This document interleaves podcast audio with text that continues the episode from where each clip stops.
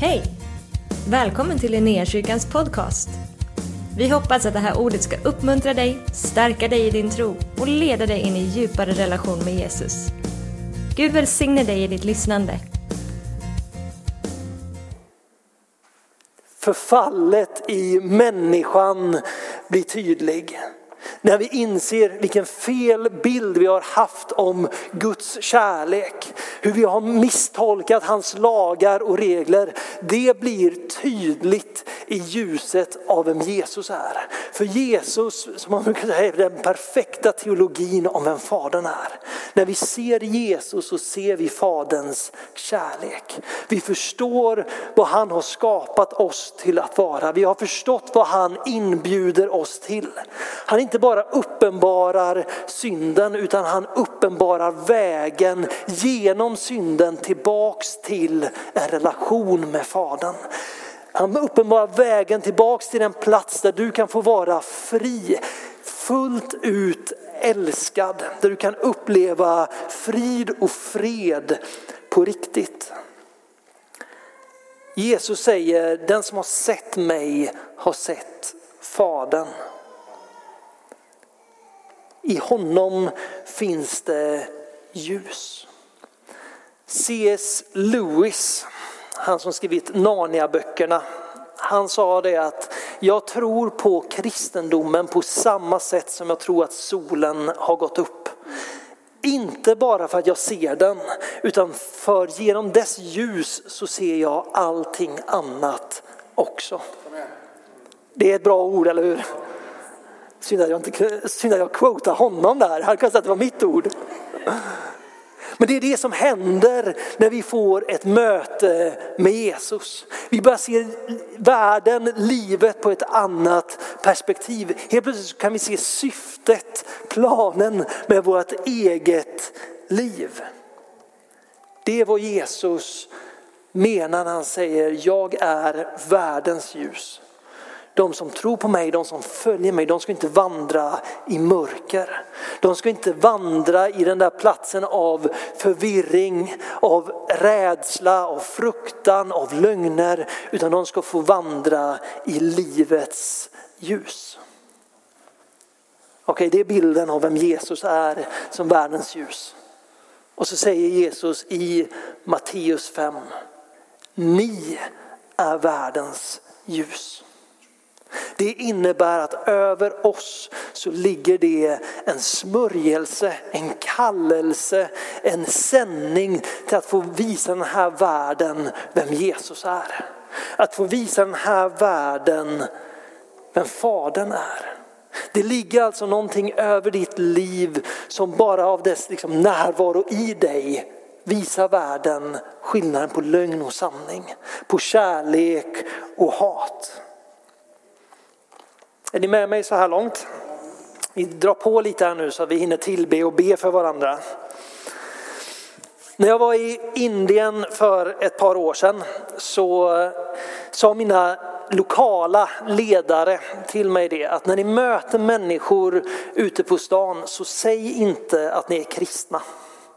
Utan säg att ni är efterföljare till Jesus. För det här folkets, det här landets historia av vad kristendom är, det är så liksom förkopplat med kolonialism. Med liksom lagar och regler, med en främmande ockuperande makt som kommer in och tar över och säger nu ska ni tycka och tänka som oss.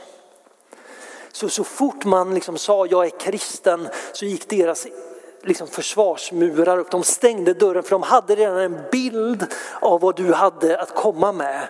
Och det var ingenting som de var intresserade av.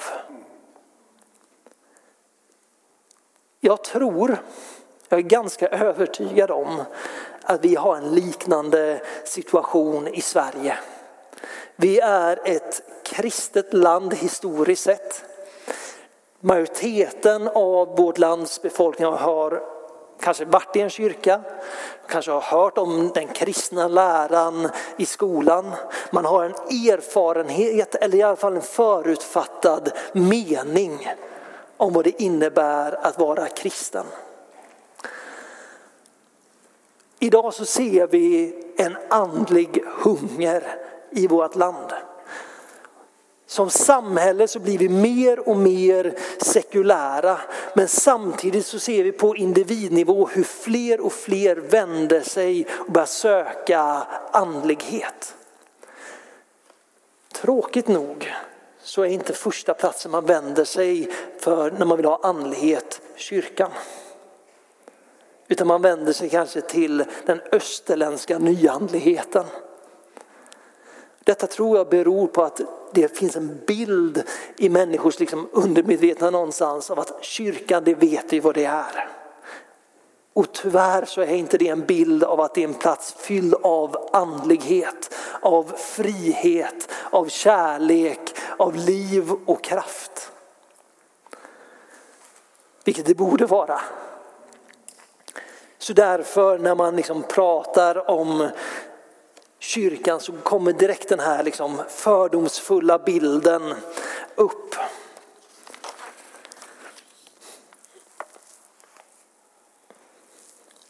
Någonstans tänker jag att detta innebär att vi har förlorat lite av våran sälta. Vi har förlorat lite av det där ljuset som skulle få lysa i världen om vi har stängt in det i en låda. Pratar vi evangelisation i kyrkan idag så tänker vi aktiviteter. Nu ska kyrkan engagera sig ut och möta människor. Och det blir liksom ett projekt av det. Och jag kan bara tänka mig nu att det finns en hel del inne så fort man liksom nämner evangelisation, att det är vissa som får en liten jobbig känsla i magen. Ska jag nu ut och prata med främmande människor? Ska jag be för människor som jag inte känner och så blir allting lite obekvämt. Men faktum är den att Jesus säger i missionsbefallningen, han säger inte gå därför ut och gör alla folk till kristna. Det är inte vad han säger, utan han säger gå därför ut och gör alla folk till lärjungar. Det finns en kallelse över var och en av oss att vara ett vittne om vem Jesus är. Att vittna för andra människor om vad han har gjort, både historiskt men också i våra liv. Men jag tror att vi ibland har fastnat i den här kristna bilden. Vad kyrka är, vad det innebär att vara kristen, att vi lever, ska leva ett så gott kristet liv som möjligt. Men inbjudan ifrån Jesus är inte kom och lev som kristen, det blir skitkul. Utan inbjudan från Jesus är kom och följ mig. Jesus säger kom och följ mig så ska jag göra er till människofiskare. Jesus säger inte när han kallar sina lärjungar kom till mig och sen går ni ut och så hämtar ni resten av världen till mig. När han säger kom och följ mig så ska jag göra er till människofiskare. Om vi bara går tillbaka till ursprungstexten ifrån Matteus 5. Ni är jordens salt. Ni är världens ljus. En stad på ett berg kan inte döljas. Det finns alltså någonting i det här som säger oss att du är detta. Det handlar inte om hur du anstränger dig, det handlar inte om hur du pumpar upp liksom din liksom andliga kämpaglöd för att vinna människor. Utan det handlar om vad som finns i dig. Det Gud har lagt ner i dig har kraft att förvandla andra människors liv. Det Gud har lagt ner i ditt liv kan förvandla den här staden. För du är inte världens ljus baserat på vem du är utan du är världens ljus baserat på att du har tagit emot världens ljus in i ditt liv. Vi har den här bilden av att nu ska jag som kristen liksom engagera mig, gå ut på gatorna och köra liksom pannkakskyrkan. Det är det bästa konceptet vi har för att frälsa människor. Pannkakskyrkan är fantastisk. Eh, evangelisationsaktiviteter är fantastiskt för att vi möter människor och för att det får igång oss. Men det jag vill säga på något sätt är att det viktigaste du kan göra det är att dra dig nära Jesus. Du kan dra dig nära Jesus, låta dig bli förvandlad av honom som är världens ljus. Så kommer han att förvandla dig så att du börjar att kunna förvandla din omgivning. Han vill smitta dig med sin kärlek, med sin kraft och med sin godhet. Så att det är precis som när liksom Petrus går fram och hans skugga faller så påverkar det människor i hans närvaro. Vet, I Korintierbrevet kapitel 12 så har vi liksom vi text när vi pratar om andens gåvor, om helande under och tecken och hur vi som kyrka är utrustad för att göra det som Jesus gjorde. Och det är ja och amen på det. Det finns kraft tillgänglig för oss. För var och en av oss, för oss som församling, att kunna chocka den här världen med de goda nyheterna om vem Jesus är. Men i Korintierbrevet 13 så står det att du kan göra allt det där. Du skulle kunna tala änglaspråk, du skulle kunna ha den största profetiska gåvan, du skulle kunna göra kraftgärningar. Men om du inte har kärlek så är du bara en klingande symbol. Det finns någonting av att vi får möta med honom, ta emot honom, få den här uppenbarelsen av honom som vi pratade i början. Där vi förstår att vi är älskade. Där vi förstår att vi är utvalda. Ni vet om synden blir uppenbarad av den heliges närvaro. I mötet med Jesus så blir det inte när vi inser synden i vårt liv så blir inte det jag är värdelös. Det finns inget hopp för mig. Det händer inte. Utan när vår synd blir uppenbarad i oss så blir hans nåd ännu större. Min kärlek till honom växer när jag inser hur mycket han har förlåtit mig för. Det står i eh, första Johannesbrevet 4, 7. Mina älskade, låt oss älska varandra, ty kärleken är av Gud och var och en som älskar är född av Gud och känner Gud. Den som inte älskar har inte lärt känna Gud, ty Gud är kärlek. Så uppenbarades Guds kärlek till oss. Han sände sin enfödde son till världen för att vi skulle leva genom honom. Kärleken består inte i att vi har älskat Gud utan i att han har älskat oss och sänt sin son till försoning för våra synder. Det är när vi förstår att Gud har sänt sin son för att försona våra synder, våra brister, som vi på något sätt, vår kärlek till honom responderar. Det är när vi ser hans godhet, hans trofasthet gentemot oss som vi bara kan börja ropa Abba fader. För vi förstår vem han är.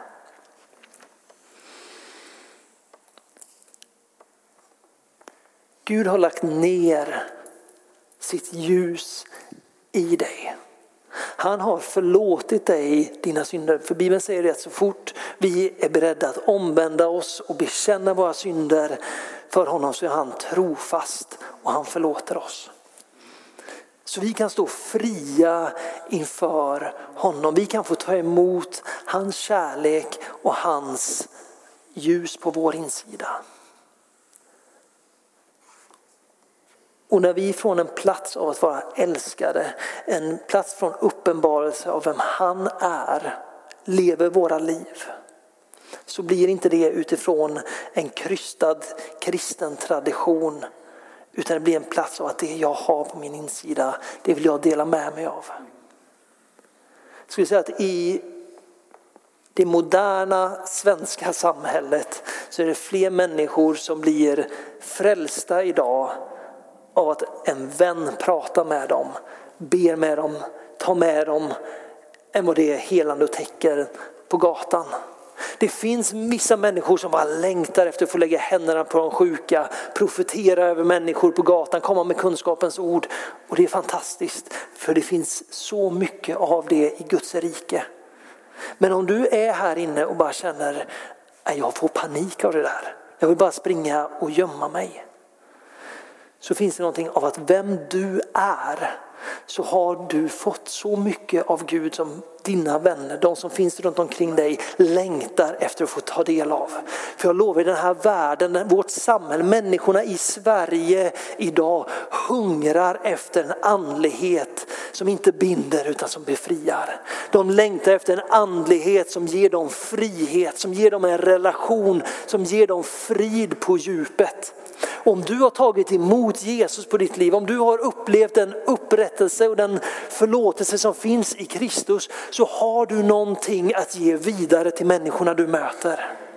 Vi har en tendens av att krångla till av allting, göra det till stora aktiviteter. Du ska göra ett, punkt 1, punkt 2, punkt 3, punkt 4. Medan Jesus säger var ett ljus.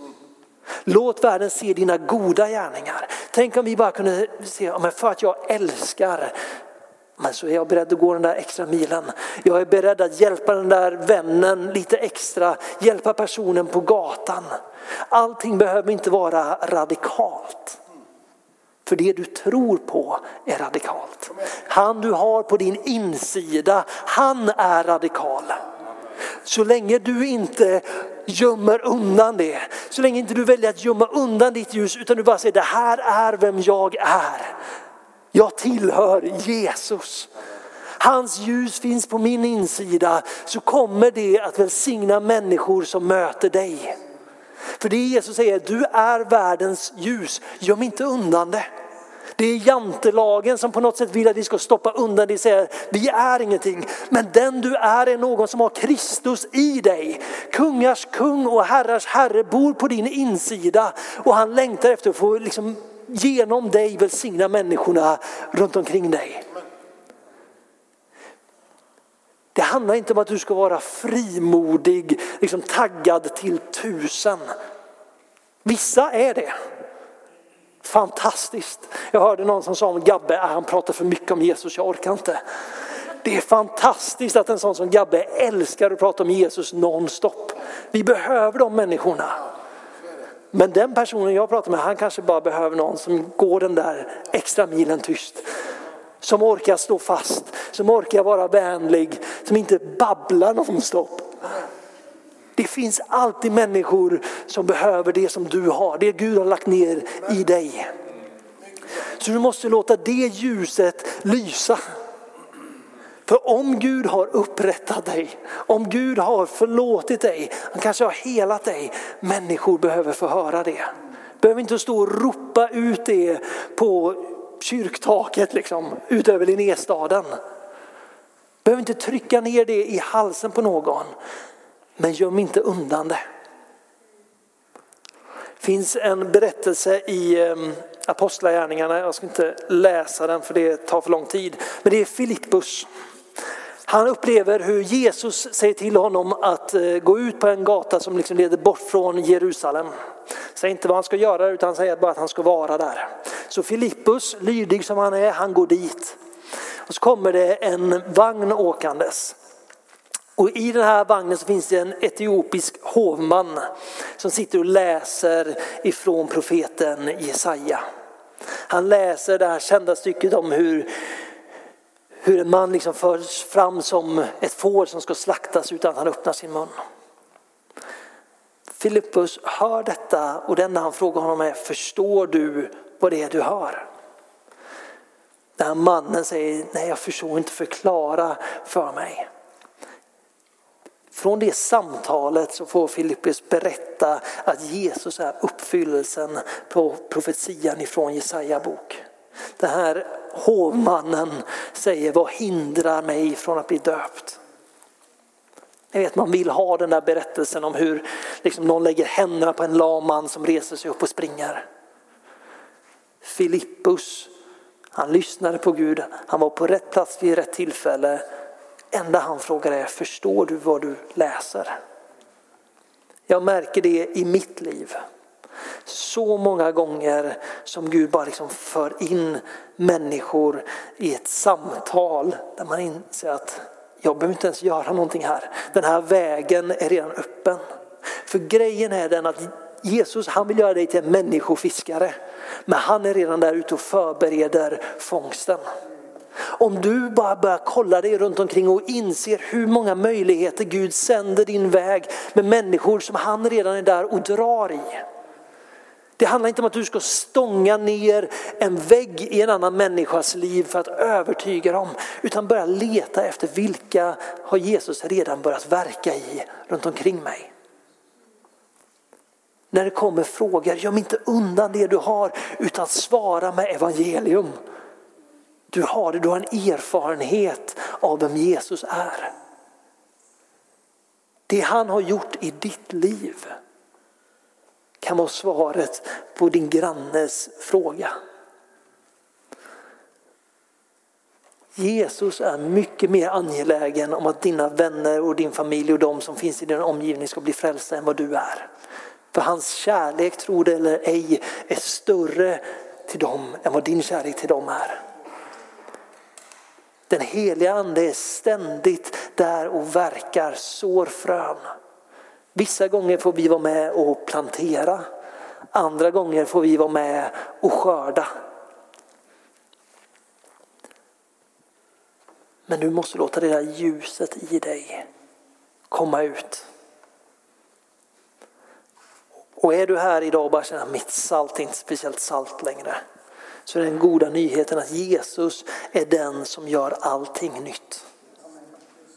Han vill möta dig med sin kärlek idag. Han vill uppenbara sin nåd och sin godhet över dig idag. Så att du bara genom att vara den du är kan välsigna andra människor. Jesus kommer inte med en kravlista. Här har du manualboken för hur det är att vara en lärjunge. Utan han säger följ mig, umgås med mig. Och du är världens ljus. Vi har valet om vi ska välja dölja undan det eller om vi ska släppa fram det. Men har du haft ett möte med honom så har du någonting att ge till din tillvaro, till din omgivning.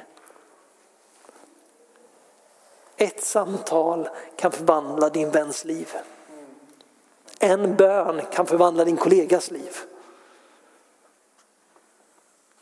Vi behöver inte göra allting stort, svårt och skrämmande. Ibland kan Gud utmana dig. Och då tipsar jag dig att vara lydig. För det är, det är, det är spännande. Men Gud vill verka igenom dig. Den som du är, det är han som har skapat dig. Och ni vet, den perfekta kärleken den driver ut all fruktan. Den driver ur all människofruktan. Så när vi får möta med honom, när vi får ett möte med världens ljus så driver det bort själviskheten, fruktan, apatin ur vårat liv.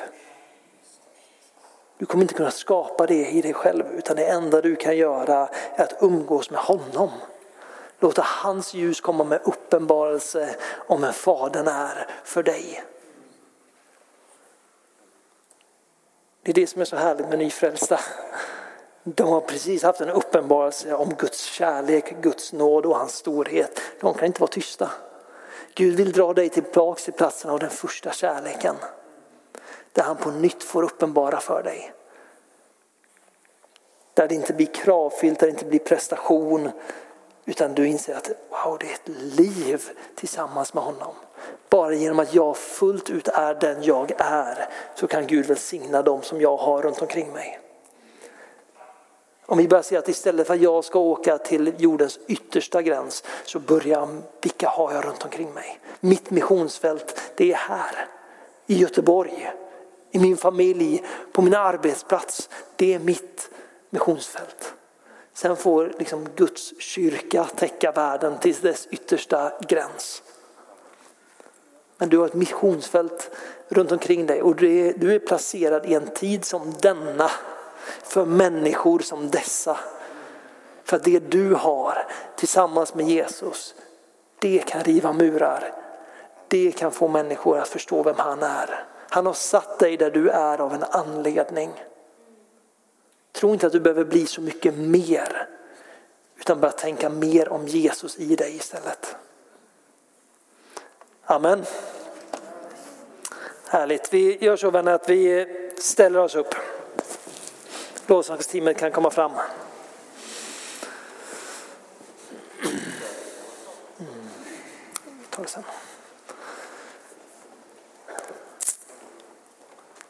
Jesus, Herre, jag tackar dig för att du är världens ljus. Herre, jag tackar dig för att i dig så finns det frihet, i dig så finns det nåd och det finns kärlek och hopp, Herre. Vi bara inbjuder din ande Herre till att röra vid var och en av oss Herre. För jag vet att var och en av oss Herre behöver bli berörda av dig på nytt. Vi behöver bli uppfyllda av dig på nytt. Herre jag ber att du igen bara får uppenbara för oss korset Herre. Du får uppenbara för oss Herre vad du har betalat för oss. Vad du har friköpt oss ifrån Jesus. Herre, vi tackar dig för att det finns en hel värld som hungrar efter dig. Herre, vi bara ber, låt ditt ljus lysa igenom oss, Herre. Herre, vi ber att för den här världens skull, för den här stadens skull, så låt ditt ljus lysa i oss, Herre. Rör vid oss Herre, gör oss till människofiskare. Herre, inte så som vi föreställer oss Herre, utan så som du har förutbestämt. Jag tackar dig för att du har lagt ner unika gåvor i var och en av oss. Tackar dig Herre för att du har utrustat oss för att vara till välsignelse för människorna vi har runt omkring oss. Herre, jag ber att de gåvorna som du har lagt ner får komma i funktion. Herre, jag ber att vi, du får bara liksom näpsa, bryta och binda all form av jämförelse. Även med liksom kristna ledare Herre. Tackar dig för att du har skapat oss unika med en unik gåvouppsättning Herre. Med en unik personlighet.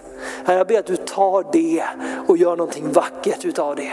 Att du använder det för ditt rikes framgång Herre. Inse det här att vi precis som vi är, är ambassadörer för ditt rike. Behöver inte försöka vara någonting vi inte är utan vi kan vara fullt ut om vi är. Och få vara med och se ditt rike bryta igenom i den här staden. Så helige vi bara ber, kom. Kom och rör vid oss igen. Kom med din uppenbarelse på nytt Herre. Överbevisa oss igen Herre om vem du är, om vem Fadern är. I Jesu namn. Amen. Tack för att du har varit med oss. Hoppas du känner dig inspirerad av Guds ord och har fått nya perspektiv. Hör gärna av dig till oss och berätta om Gud har rört vid dig på något sätt. Vi är så glada att få höra vittnesbörd om vad Gud gör. Du kan mejla oss på adressen info och dit kan du även mejla om du har ett böneämne som du önskar att vi ber för. Eller om du har tagit emot Jesus och inte har någon bibel så vill vi mer än gärna skicka en bibel till dig. Skicka ett mejl med ditt namn och dina adressuppgifter till info.linneahuset.se så ser vi till att du får en. Om du vill ge en gåva till Linnéakyrkans arbete för att nå fler människor med evangelium så kan du swisha till 123 520 0993. Du kan också besöka oss på linneakyrkan.se för att få mer information. Välkommen tillbaka att lyssna snart igen.